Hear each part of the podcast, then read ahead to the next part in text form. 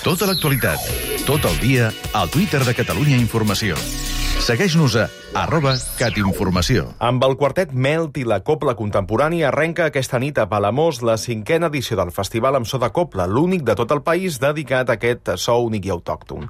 Fins dissabte el festival ens proposa reivindicar els orígens de la Copla, però també la seva fusió amb altres disciplines, per acostar-la a tots els públics. Clara Jordana en repassa tots els detalls d'aquesta edició.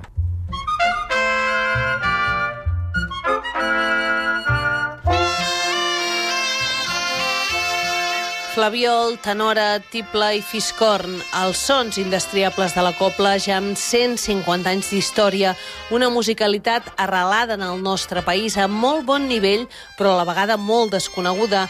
De què ve aquest festival que de tota manera no vol oblidar els amants de la sardana, com explicava el seu director, Adrià Bausó. Per tant, el festival el que pretén és mostrar aquest so de copla molt més enllà del que seria eh, la tradició sardanística, tot i que el festival també recull aquesta tradició sardanística, ja que eh, creiem que si una persona vol ser original, com deia Gaudí, eh, el que ha de fer és anar a buscar en els seus orígens. El nen és més gran, però s'arrisca i es busquen noves fórmules, com les fusions que ens proposen en aquesta edició.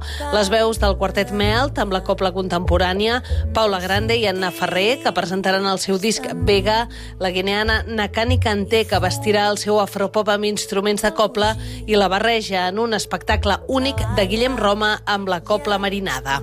És una trobada explosiva eh, que ens portarà per la màgia dels paisatges tropicals balcànics o mediterranis amb una unió acústica plena de matisos i de riquesa musical que de ben segur eh, també bé, farà gaudir el, el públic. També es participa en l'any Cubeles, amb dos espectacles el 5 d'agost. I no s'oblida allò més clàssic, amb l'homenatge a Ricard Viladesau, que faran els Mongrins i la principal de la Bisbal. En total, vuit propostes, totes en un únic escenari, la plaça Josep Sarquella.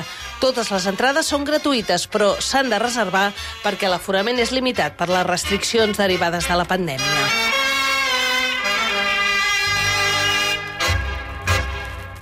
Catalunya Ràdio, Catalunya Informació. Serveis informatius. Girona.